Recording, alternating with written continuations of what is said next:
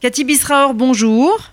Bonjour Paul. Alors Cathy, nous allons évidemment aujourd'hui parler de ces fameuses élections israéliennes, puisque Israël tient euh, demain euh, ces deuxièmes élections en euh, cinq mois, un scrutin comme nous avons pu euh, le dire à plusieurs reprises aux, aux, airs de référendum pour ou contre le Premier ministre Netanyahou.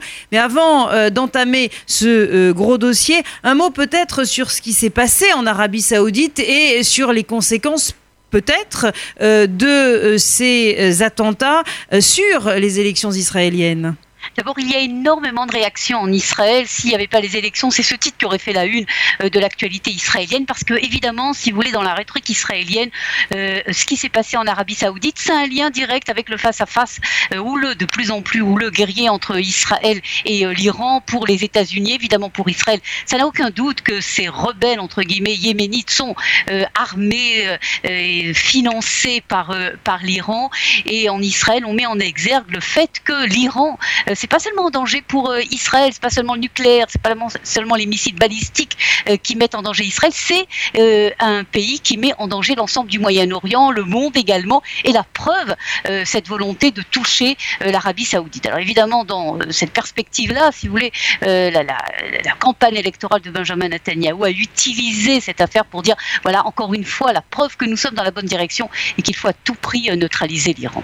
Un mot euh, également, puisque ça a là encore des conséquences, euh, j'imagine, directes sur ces élections, la décision euh, de Benjamin Netanyahou d'annexer un certain nombre de localités dites sauvages en Judée-Samarie. Le gouvernement palestinien doit se réunir aujourd'hui pour essayer de contrer cette décision. Alors, ce qui a provoqué cette réunion euh, fort rare du gouvernement palestinien dans un village qui se trouve face à la vallée du Jourdain, c'est l'annonce de Benjamin Netanyahou à la veille des élections. Donc, il allait annexer au lendemain des élections la vallée du Jourdain. Alors, est-ce que euh, Benjamin Netanyahou va, oui ou non, annexer la vallée du Jourdain? Ça, on, ne sait pas. D'abord, il faut qu'il soit élu, évidemment, euh, Premier ministre. Mais c'est clair que ça a mis en branle toute la, la, scène arabe et palestinienne en disant la vallée du Jourdain, c'est à nous, disent les Palestiniens. Il faut comprendre la vallée du Jourdain, c'est ce qui sépare, si vous voulez, la Jordanie de, de, l'État d'Israël, en fait, ou de, l'État, du futur État palestinien, entre guillemets. Et donc, le gouvernement palestinien, d'une manière symbolique, a choisi de tenir aujourd'hui sa réunion hebdomadaire, non pas euh, à Ramallah, mais dans un village qui fait face véritablement à la vallée du Jourdain. Alors, les élections, euh, euh, Cathy, les élections à proprement parler, on a la sensation, et ça n'est d'ailleurs pas qu'une sensation, d'un face-à-face entre Benjamin Netanyahou et Benny Gantz. Et quand on regarde euh, les sondages, euh, Gérard Benamou nous en parlait encore ce matin, bah, on est euh, grosso modo au coude à coude. Oui, on est au coude à coude, mais vous savez, il y a un phénomène que l'on voit se dessiner ces dernières heures. C'est que euh, il y a une sorte, si vous voulez, de voix, de voix qui vont en direction des deux grands partis et les petits partis, aussi bien à gauche que à droite, sont en train de perdre des voix au profit d'un côté du Likoud et d'un côté de euh, Carole Laval. La preuve, c'est que ces derniers sondages jusqu'à présent donnaient entre 31 et 32 euh, sièges à chacun des deux partis. Et vous voyez des sondages ces dernières heures qui donnent 34, 35 cinq sièges à chacun des deux partis avec presque euh, en effet à égalité. La preuve, c'est qu'on parle même de problèmes de seuil d'éligibilité pour le Parti travailliste. Où est-ce qu'on en est arrivé pour le Parti travailliste qui pourrait ne pas passer ces élections Apparemment, non, mais il y a des risques en raison justement de cette ruée, si vous voulez, des électeurs qui comprennent euh, qu'il faut, euh, il faut voter, il faut donner euh, la priorité à un grand parti. Je rajoute encore un point.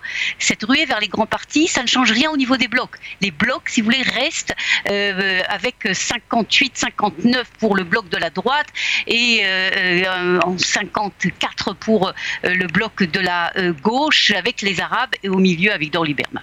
Alors, euh, l'un des partis, j'ai presque envie de dire déterminant, ça va être euh, l'abstention ou au contraire le vote. Les Israéliens, on le sait, ne se sont pas beaucoup intéressés à cette euh, élection qui intervient, je le rappelle, cinq mois à, peine après euh, d'autres élections euh, qui euh, n'ont pu euh, déterminer eh un gouvernement euh, comme le souhaitait euh, Benjamin Netanyahou. Et euh, Benjamin Netanyahou a préféré eh provoquer des élections plutôt que de de laisser à Benny Gantz le soin éventuellement d'essayer de former ce, ce gouvernement. les Israéliens, selon vous, selon les sondages en votre disposition, vont-ils participer en masse? Vont-ils s'abstenir? Et vont-ils se trouver finalement face à ceux qui savent se solidariser, les religieux et pourquoi pas les partis arabes?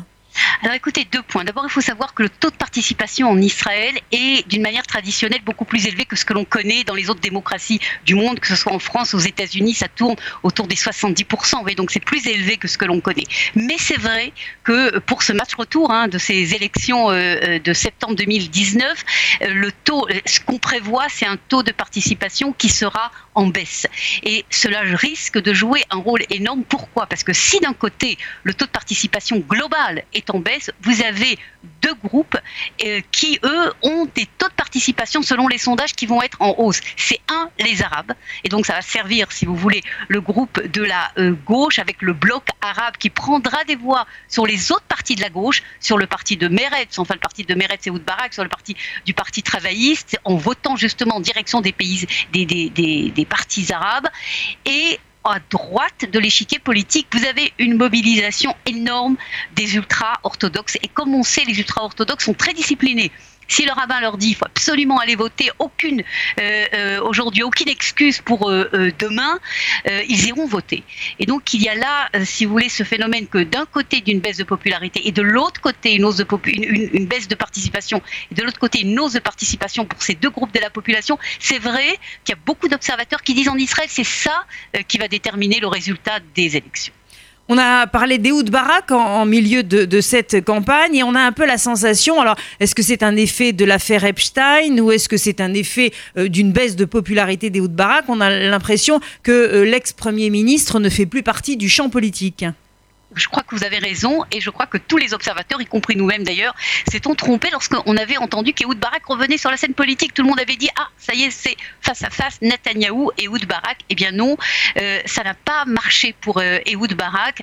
Euh, la preuve, son parti qui, qui n'arrive pas véritablement à prendre un envol et à prendre, selon les sondages en tout cas, un score sérieux. Et lui-même est très décrié pas seulement pour euh, l'affaire Epstein, également pour le passif de Ehud Barak. Hein. Il faut se rappeler que Ehud Barak a eu beaucoup d'échecs lorsqu'il était euh, Premier ministre et euh, ça explique, si vous voulez, le peu de popularité que l'on voit, y compris au sein de la gauche d'Ehud Barak.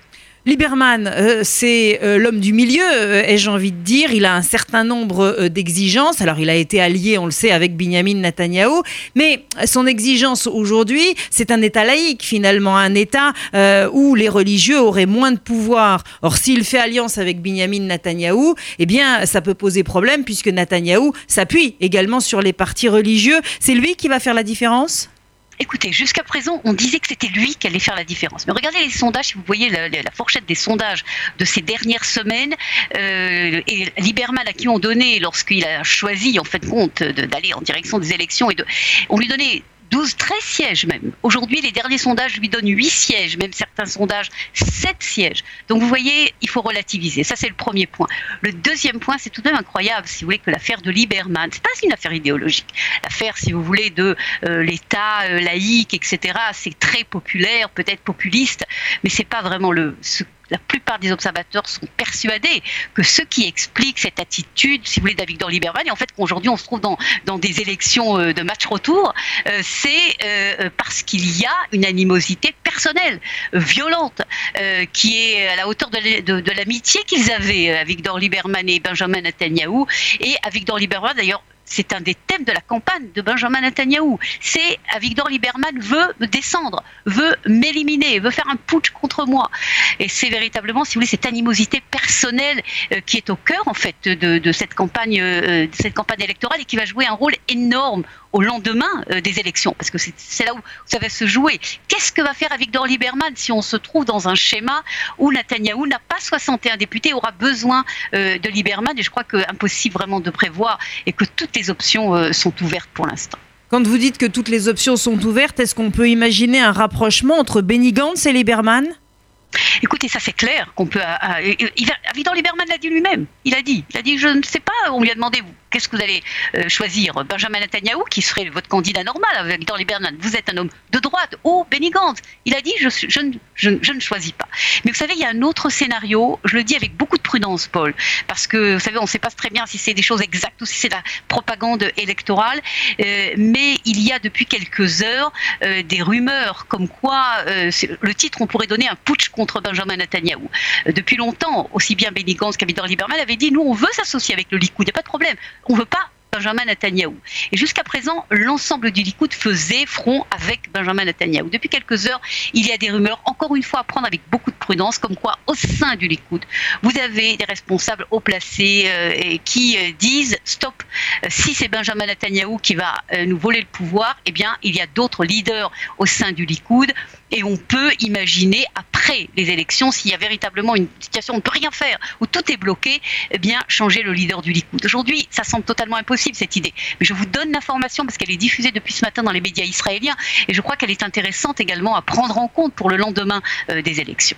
Une toute dernière question, euh, Cathy. Euh, Benny Gantz a dit qu'il ne participerait pas à un gouvernement mis en place par Benjamin Netanyahou, mais que s'il le souhaitait, Benjamin Netanyahou pouvait euh, trouver une place dans un gouvernement que lui, Benny Gantz, euh, pourrait euh, créer. Est-ce que là encore cela paraît probable ou est-ce que ce sont des mots de campagne? Écoutez, j'ai l'impression tout de même que c'est des mots de campagne parce qu'on imagine mal, mais vous savez, tout est possible en politique. Hein. Peut-être que Benjamin Netanyahu, pour sauver son avenir politique, serait d'accord. Mais aujourd'hui, si vous voulez, les sondages montrent tout de même euh, que euh, c'est le bloc de la droite hein, qui est nettement majoritaire. Car il faut comprendre, lorsqu'on parle du bloc de la gauche avec 54 députés, vous avez 10 députés qui sont des députés arabes. Euh, c'est certes qu'ils sont totalement légitimes, mais jamais ils ne rentreront, si vous voulez, soutiendront ouvertement, rentreront dans un gouvernement dirigé par un ancien chef d'état-major, Benny Gantz, qui a mené une guerre contre les Palestiniens. Donc, si vous voulez, ce scénario-là, où c'est Benny Gantz qui formait le gouvernement et qui prendrait Benjamin Netanyahou comme ministre euh, des Affaires étrangères ou ministre euh, des Finances, euh, euh, aujourd'hui, ça semble euh, difficile. Mais encore une fois, encore une fois, euh, la situation qui semble aujourd'hui totalement ingérable, selon les sondages. Aujourd'hui, on peut former de gouvernement en Israël. Et donc, quand vous êtes dans une telle situation, c'est vrai que tous les scénarios les plus incroyables aujourd'hui, le putsch contre Netanyahou, Netanyahou dans un gouvernement euh, de Benny une union, tout le monde ensemble, tout ça, si vous voulez, aujourd'hui, euh, il ne faut pas éliminer ces possibilités, étant donné justement euh, cette situation très problématique politique de gérance que montre, de gérance de la, du gouvernement, du futur gouvernement que montrent les sondages. Si Benjamin Netanyahou n'est pas élu, est-ce qu'il risque la prison? Écoutez, d'abord, je crois euh, que c'est deux sujets qui sont euh, différents. Israël est un État de droit et s'il y a véritablement un acte d'accusation contre Benjamin Netanyahou, il y aura euh, un procès, etc. Ça, ça dépend. Pour répondre à votre question, ça dépend à qui vous vous adressez. Si vous adressez à des gens qui sont du côté de Benjamin Netanyahou, ils vous disent, ils utilisent le mot ch'touillot. Ce sont des bêtises, des balivernes. Toute cette histoire va s'écrouler en quelques minutes. Si vous entendez Yair Lapid, il vous dit, il vous répond à votre question, oui. Benjamin Netanyahou va finir ses jours, ou en tout cas va passer par la prison. Cathy, merci pour toutes ces explications. Et donc, eh bien, euh, demain, nous y verrons certainement plus clair. Enfin, quand je dis certainement, comme vous le disiez à l'instant, en Israël, tout est possible.